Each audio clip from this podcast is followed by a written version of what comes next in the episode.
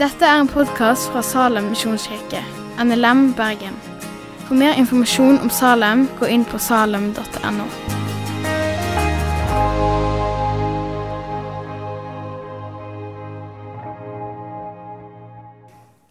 Teksten i dag er fra Matteus kapittel 25, vers 31-46. Der står det Men når Menneskesønnen kommer i sin herlighet og alle englene med ham, da skal han sitte på sin trone i herlighet, og alle folkeslag skal samles foran ham. Han skal skille dem fra hverandre, som en gjeter skiller sauene fra geitene, og stille sauene på sin høyre side og geitene på sin venstre. Så skal kongen si til dem på sin høyre side.: Kom hit, dere som er velsignet av min far, og ta i arv det riket som er gjort i stand for dere fra verdens grunnvoll ble lagt. For jeg var sulten, og dere ga meg mat. Jeg var tørst, og dere ga meg drikke. Jeg var fremmed, og dere tok imot meg. Og jeg var naken, og dere kledde meg. Jeg var syk, og dere så til meg. Jeg var i fengsel, og dere besøkte meg. Og da skal de rettferdige svare, Herre, når så vi deg sulten og ga deg mat, eller tørst og ga deg drikke? Og når så vi deg fremmed og tok imot deg, eller naken og kledde deg? Når så vi deg syk eller i fengsel og kom til deg? Og kongen skal svare dem, Sannelig, jeg sier dere, det dere gjorde mot en av disse mine minste søsken, har dere gjort mot meg. Så skal han si til dem på venstre side.: Gå bort fra meg, dere som er forbannet til den evige ild, som er gjort i stand for djevelen og englene hans. For jeg var sulten, og dere ga meg ikke mat. Jeg var tørst, og dere ga meg ikke drikke. Jeg var fremmed, og dere tok ikke imot meg. Jeg var naken, og dere kledde meg ikke. Jeg var syk og i fengsel, og dere så ikke til meg. Og da skal de svare, Herre, når så vi deg sulten eller tørst eller fremmed eller naken eller syk eller i fengsel uten å komme deg til hjelp? Og da skal han svare dem. Sannelig, jeg sier dere, det dere ikke gjorde mot en av disse minste, har dere heller ikke gjort imot meg. Og disse skal gå bort til evig straff, men de rettferdige til evig liv. Eh, så dette her er teksten da, fra Matteus kapittel 25, 31-46. Eh, og det er søndagens tekst. Altså Det betyr at eh, kirkeåret har en slags kalender der det hver søndag er en tekst. Så bytter det litt på fra år til år. Og altså denne søndagen, da, så i morgen, denne helgen, så er det denne teksten her. Og denne søndagen i kirkeåret, den kalles domssøndag, eller Kristi kongedag. Domssøndag, det er jo et alvor over det. Jeg husker jeg sa ja til å tale denne datoen her. Så var det liksom tenkt at da skulle det være søndagens tekst. Vi bytter jo litt på mellom det og eh, hva skal jeg si tale, taletemaer. Um, og så sa Gjermund du kan, det er domstolene, men du kan, du kan, velge noe annet også, hvis ikke du vil ha den teksten her. Uh, og så tenkte jeg sånn Nei, jeg tar den, jeg. Så jobba jeg litt med tenkte jeg, oi, For det er jo virkelig alvorlige greier. Men uh, det som er fint, da, når vi ikke bare holder disse taletema, temaserien vi velger selv Når vi tar disse her tekstene, da, så får man jo virkelig vist mye av Bibelen i sin helhet og mye av Guds ords helhet. Da. Så får dere trøste dere med at hvis det blir for alvorlig, så starter faktisk kirkeåret på nytt igjen neste, neste helg, og da er det advent. Så da kanskje blir det litt sånn hyggeligere igjen da. Eh, men i kveld så er det Eller nå er det domssøndag. Altså, det er jo absolutt et alvor i denne teksten her. Og så blir det litt sånn som eh, forfatteren av Brevbrevet skriver, at det, Guds ord det er levende og virksomt og skarpere enn noe tvegaskt sverd, og det trenger igjennom helt til det kløver sjel og ånd, ledd og marg, og dømmer hjertets tanker og råd. Og jeg føler meg litt sånn når jeg leser den teksten, her, litt sånn avkledd og avslørt. Um, for når man leser den teksten her, så er jeg ikke problemet nødvendigvis det at det er så vanskelig å forstå og så svevende, for det er egentlig ganske konkret. En veldig tydelig tekst. Uh, og så blir det jo tydelig at um, det her er jo ikke noe jeg klarer.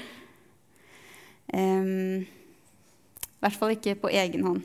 Eller på, ja, nei, det, jeg klarer virkelig ikke å nå opp det hvis dette her er standarden. da. Um, og For å sette denne teksten her litt i kontekst Det er jo Jesus sine ord.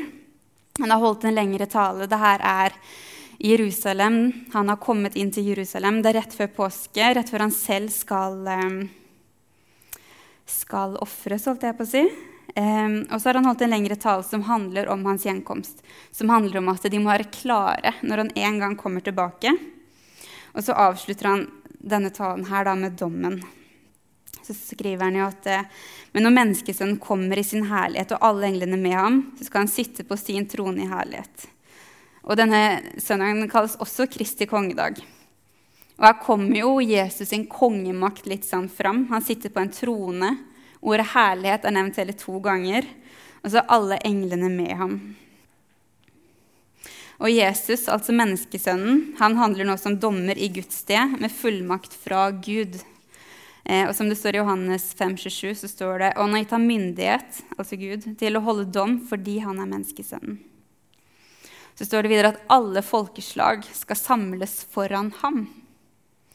Og så Alle folkeslag, det vil jo si alle. Så det er ikke bare jødene. Det er ikke, det er ikke bare hedningefolkene, altså de som ikke var jøder, som det de ble kalt på den tida. Eh, og så står det heller ikke at det kun er de som har hørt evangeliet og fått mulighet til å høre det. Så jeg vil også si at det også er alle unådde folkegrupper. Og dette gir oss som faktisk har hørt, et veldig stort ansvar. Så alle skal samles foran ham. Og dommen gjelder jo også da oss kristne. Um, og det står jo 2. Korinter 5,10, så står det for vi må alle fram for Kristi domstol, for at hver og en kan få lønn for det han har gjort gjennom sitt liv i kroppen, både det gode og det onde. Så vi møter altså Her kommer altså menneskesønnen tilbake i herlighet på en trone med masse engler, og alle folkeslag er foran ham. Og så, så, start, så, skiller han dem fra hverandre, som en gjeter skiller sauene fra geitene. Med sauene på høyre og geitene på venstre. Så sier han at de på høyre, de velsignede, de ønskes, de ønskes velkommen til paradis. Og Jesus han beskriver her hvordan de møtte ham. For de ga mat da han var sulten, drikke, kledde ham da han var naken, tok imot ham da han var fremmed, besøkte ham da han var syk og i fengsel. Og så er de rettferdig overraska fordi de kan ikke huske å ha sett Jesus slik. Men så svarer han, 'Sannelig, jeg sier dere:" Det dere gjorde mot en av disse mine minste søsken, det har dere gjort mot meg. Mens de på venstresida, de forbannede, de blir vist bort. Og det blir begrunna med at de ikke viste ham disse barmhjertighetsgjerningene. Og de er jo også overraska. De påstår at de ikke har sett Jesus slik. Men så sier han igjen at det dere ikke gjorde mot en av disse minste, har dere heller ikke gjort mot meg. Og disse skal gå bort til evig straff, men de rettferdige til evig liv. Og sånn beskriver da Jesus dommen sin dom, ja, og avslutter talen sin. Um, og dommen slik den beskrives her, avgjøres altså forholdet til disse minste. For kongen, dommeren, han identifiserer seg med disse minste. Og folket har møtt ham gjennom dem, og så har de enten gjort gode barmhjertighetshandlinger, eller så har de unnlatt å gjøre det. Unnlatt. Eh, og da er jo et veldig viktig spørsmål hvem er disse minste? Og så kan man fort tenke at det dreier seg om alle nødlidende mennesker generelt. Eh, og vi lever i en rik del av verden. Og hvis du hører nyheter, så skjønner du at eh, verden er jo forferdelig urettferdig, ødelagt. Krig, elendighet. Jeg vet ikke hvor mange mennesker som lever i krigssoner, hvor mange som er um, offer for menneskehandel. Men vi ser jo også absolutt nødlidende mennesker her òg. Um, tiggere er jo et veldig tydelig tegn på det. Men altså mye sykdom, så vi blir jo utsatt for dette her. Det er ikke noe ukjent. Eh, og så finner vi veldig mange eksempler fra Bibelen om at Gud han tar de svakes parti og identifiserer seg med dem. Eh, I Isaiah 58 så står det bl.a.: Nei, dette er fasten jeg har valgt. Så står det videre, Å dele ditt brød med sultne og la hjelpeløse og hjemløse komme i hus. Du skal se til den nakne og kle ham. Du skal ikke snu ryggen til dine egne. Og videre. Om du gir av ditt eget til den sultne, og selv metter den som lider nød, da skal ditt lys gå opp i mørket, din natt skal bli som høylysdag. Eh, og så videre I ordspråkene så kommer det også veldig fram at eh, barmhjertighet mot fattige, det skal lønnes. Så står det den som er hard mot en stakkar, håner han skaper. Den som er mild mot de fattige, ære Gud. Men den som hjelper en stakkar, låner til Herren, og Herren gir ham igjen for sin velgjerning. Og velsignet blir den som er god mot andre, for han deler sitt brød med fattige. Så det var ikke ukjent for jødene som lytta til Jesus, at eh, Gud han, han tok virkelig de nødlidendes parti. Var med de. Eh, men så dette med nestekjærlighet jo, og kjærlighet generelt var også veldig sentralt i Jesus' sin forkynnelse. Og særlig de litt utsatte. Han var jo synderes og tolleres, tolleres venn. Og så sa han jo at du skal elske de neste som deg selv. Og den teksten her, om dom, så nevnes kun gjerninger mot mennesker. Eh, og Gud han har skapt alle mennesker, så på en måte så møter vi jo han gjennom alle mennesker vi møter. Eh, og han er skaperen av verden, han er skaperen av hvert menneske. Og har en enorm kjærlighet til alle. Eh, så vi står litt av ansvar for Gud, hvordan vi møter møter hverandre. Eh, men det er kanskje ikke likevel alle nødlidende mennesker det er snakk om i den teksten her. Og så ville det gjort det litt sånn vanskelig med hva vi har lært ellers, og hva Bibelen ellers sier om frelse. Uh, så hvis disse minste, hvis ikke det er alle nødlidende mennesker, da, hvem er de da? Um, Altså uttrykkene 'disse mine minste' og 'mine brødre'. Det brukes flere ganger i Matteusevangeliet, og da brukes det hver gang om disiplene, altså de som følger ham. Ikke bare om de tolv, men liksom alle, alle som fulgte Jesus. F.eks. i kapittel 15 så står det dersom din bror gjør en synd mot deg, så gå til ham og still ham til ansvar på tomannshånd, altså din bror. Eh, og videre så står det da Peter gikk til ham og spurte, 'Herre, hvor mange ganger skal min bror kunne synde mot meg?' Og jeg likevel tilgi ham, så mange som sju. Eh, og her er det begge gangene snakk om Jesu etterfølger når det snakkes om brødre. Um, og så står det også i kapittel 23.: Men dere skal ikke la noen kalle dere rabbi, for én er deres mester, og dere er alles, dere er alle søsken. Eh, men verset der det kanskje understrekes mest, eh, er når Jesus eh, taler til en folkemengde i et hus. Og så kommer Maria og noen hans, noen av hans jordiske søsken. Og så, at, og så, spør de etter Jesus. da. Så overrekker de den beskjeden til Jesus. Så blir han litt sånn Hvem er min mor, og hvem er mine søsken? Og han rakte ut hånden mot disiplene og sa, Se her, her er min mor og mine søsken. For den som gjør min himmelske fars vilje, er min bror og søster og mor. Så igjen så et eksempel på at Jesus, ja, han omtaler disiplene og de som fulgte ham, for, for sine søsken, og at vi også er hverandres søsken. Så disse mine minste det kan være, Mange som hørte han da, tenkte sikkert at det, det er disiplene. I hvert fall liksom Matteusevangeliet som helhet. Um, og det er også det søsken, det er også det Jesus kaller oss når vi tar imot ham. Vi er Guds barn, og da Jesu søster og bror. Um, og så kan det jo også virke som at vi fortsatt har et problem da, med troen som frelser, og ikke disse gjerningene. For selv om her er det jo snakk om, det er jo fortsatt snakk om gjerninger, men mot disiplene så menes det virkelig at vi skal dømmes ut fra gjerningen mot andre kristne. Vi er jo fortsatt like langt, på en måte.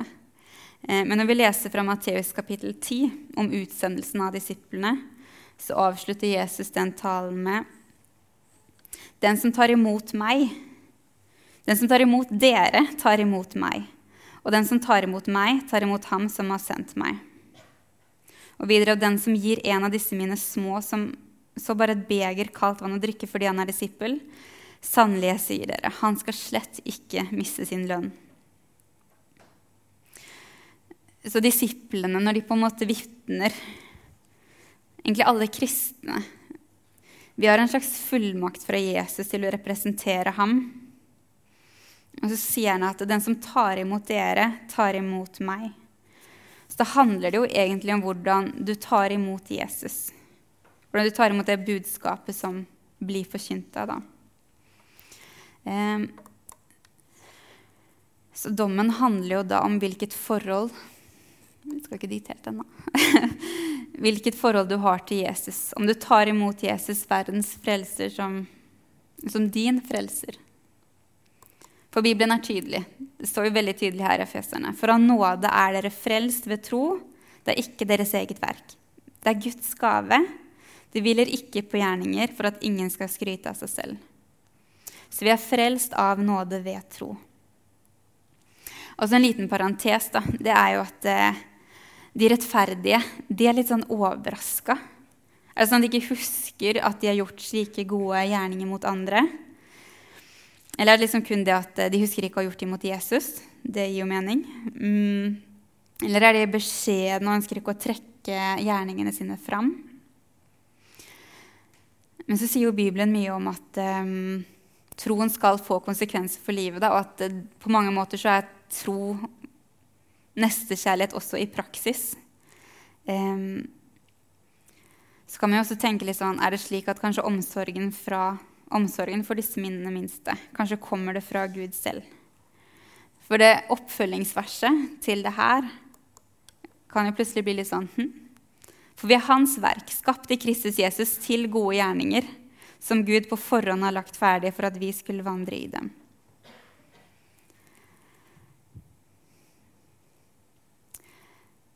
Så vi er frelst. For av nåde er vi frelst ved tro, men vi er likevel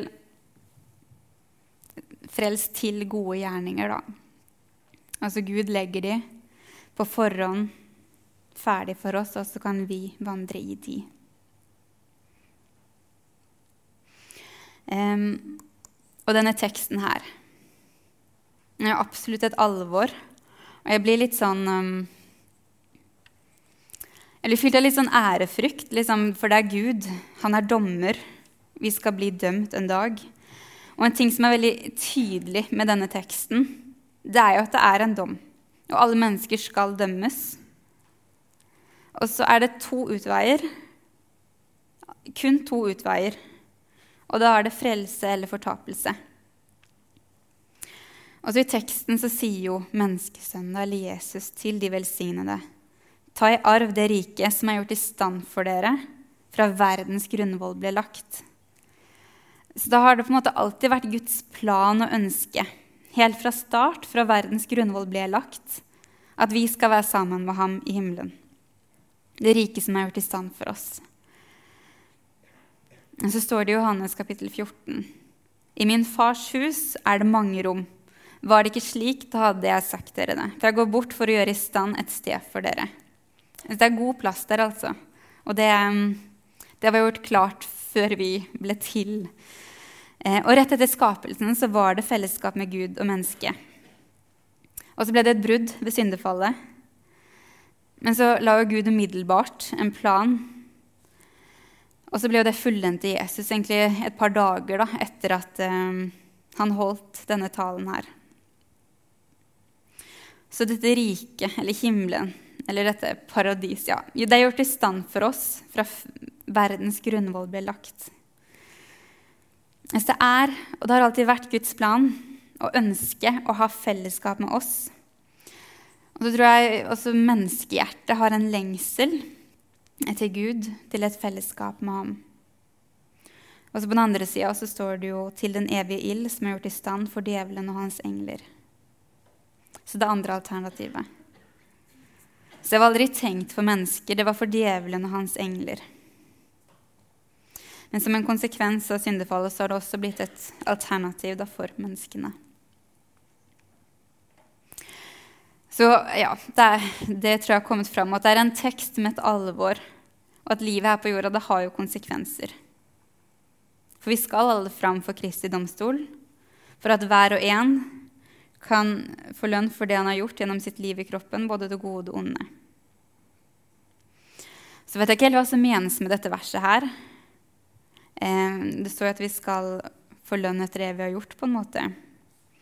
For jeg forstår det at vi skal jo alle fram for Kristi domstol, det er jo tydelig.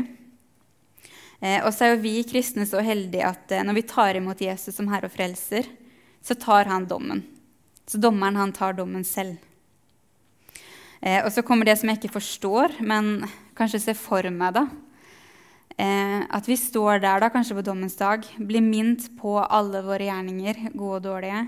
Ting vi har sagt, ting jeg har sagt, tanker jeg har tenkt. Ting jeg har lagt være å gjøre eller gjøre. Og prioriteringer, tidsbruk, pengebruk. Og jeg tror det øyeblikket det kommer til å være pinefullt. Altså bli minnet på alle de, alle de tinga ja, meg inkludert. Um, men så har jeg liksom likevel en drøm da, om at når jeg står der jeg vil, gode, sånn, jeg vil, ha noen gode gjerninger å se tilbake på. Og så vil jeg gjerne ha med meg noen på den veien til himmelen. Altså at jeg har fått med meg noen i, liksom på, i livet før jeg en dag står der. For jeg kan jo gå hele livet mitt selv og bevare troen. Vi snakker veldig ofte om å bevare troen. Men jeg vil jo ikke bare bevare den, jeg vil jo også vokse. Og jeg vil jo også få med meg noen. Men Jeg vet ikke hvordan det ser ut. Men jeg vet at vi skal dømmes, og så vet jeg at Gud, eller Jesus Det er Jesus, han er dommeren, i fullmakt fra Gud. Og han er dommeren som tar på seg dommen for oss hvis vi velger å tro på ham. Men denne teksten her den minner oss også på, um, på gode gjerninger mot dem som er i nød. Det er ikke det som fører til frelse, men det er absolutt tro i praksis, gode gjerninger. Og Gud han identifiserer seg med svake, og han tar deres parti. Det er hans skaperverk. De er høyt elsket av ham. Og så møter vi på en måte Gud i alle mennesker som lider. Og er, De trenger vår omsorg, kjærlighet, handling. Noen ganger er det også oss som trenger hjelp. Og Gud han våker over de svakes rett. Det er på en måte loven i praksis. Litt sånn en mulighet til å gjøre gode gjerninger. Men denne teksten minner oss også om at eh, vi har et ekstra ansvar overfor disippelflokken. Disse mine minste brødre. Det er ofte der, der disippel. Vi har et ekstra ansvar overfor liksom menigheten, hverandre som familie. Og det står jo at vi sammen utgjør Kristi kropp. Og i 1. Korinter 12,26 så står det jo For om ett lem lider, så lider alle de andre med. Og om ett lem blir hedra, så gleder alle de andre seg. Så har vi nettopp hatt en taleserie om Kristi kropp her i Salem. Vi er alle utrusta med forskjellige nådegaver.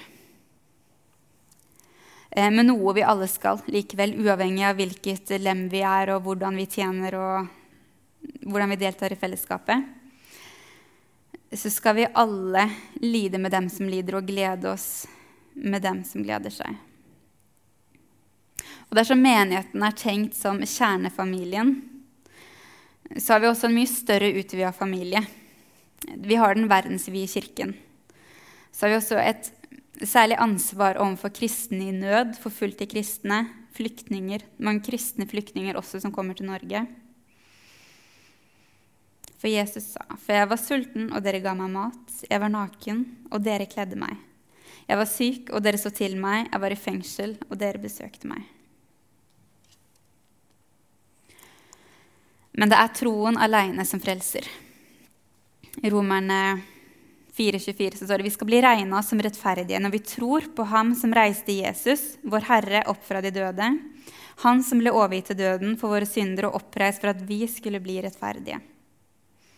Og når menneskesønnen kommer, så skal han skille sauene og geitene. Og det er to alternativer frelse og fortapelse. Og når Jesus forteller dette her, så er det slutten på en lengre tale. Og rett før så har han snakka mye om at de må være klare når han en dag kommer.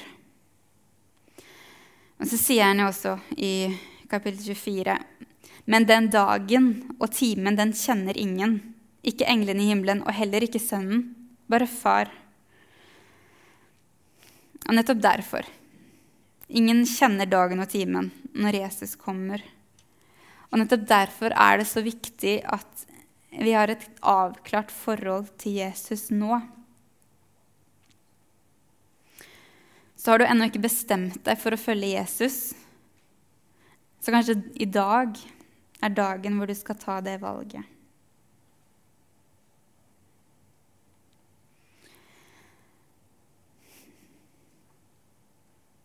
Altså Jesus han, han kommer jo der på sin trone i herlighet. Og han er i det høye og hellige, men han bor også hos dem som er knust og nedbøyd i ånden. Jeg vil vekke de nedbøydes ånd til liv og gjøre de knuste hjertet levende, som det står i Isaiah. Så Den hellige vil også være hos deg og med deg som er knust og nedbøyd.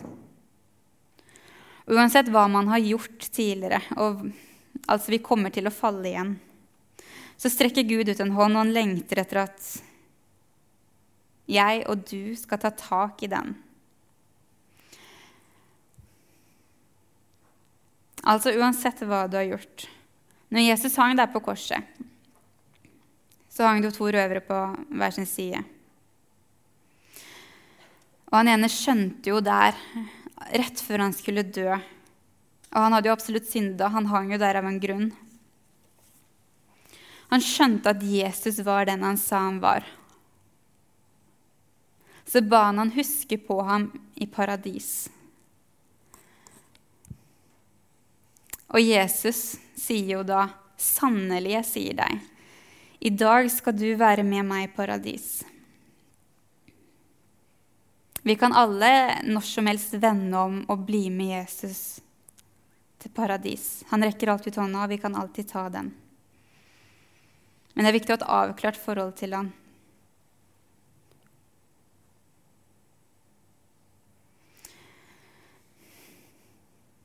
Og Kristus han døde for oss mens vi ennå var syndere, og slik viste Gud sin kjærlighet. Jesus er dommeren, og han tok dommen som vi skulle ha. Og så inviterer han oss alle til å bli med til paradis. Til hans rike som var klart fra jordens grunnvoll ble lagt.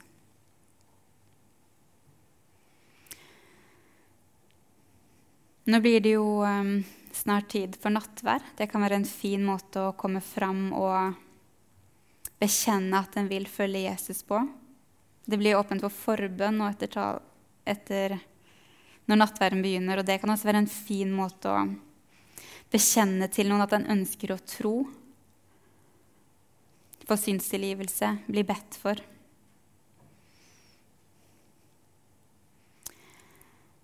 Men vi er alle invitert med til paradis, og det er der vi er tenkt for. Vi har alltid ønska dit, og ja, det er rett og slett Guds største ønske at vi skal bli med dit. Så invitasjonen står. Vi må bare ta hånda som er strekt ut, og ta imot.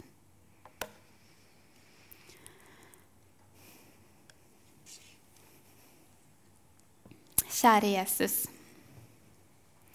Takk at du døde for oss, at du tok på deg våre synder.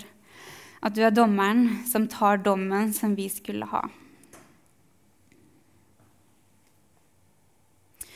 Takk at, du, ehm, takk at vi er tenkt for dette riket som du som har vært klart helt fra verdens grunnvoll ble lagt. Takk at vi er tenkt for paradis og fellesskap med deg og ønska dit.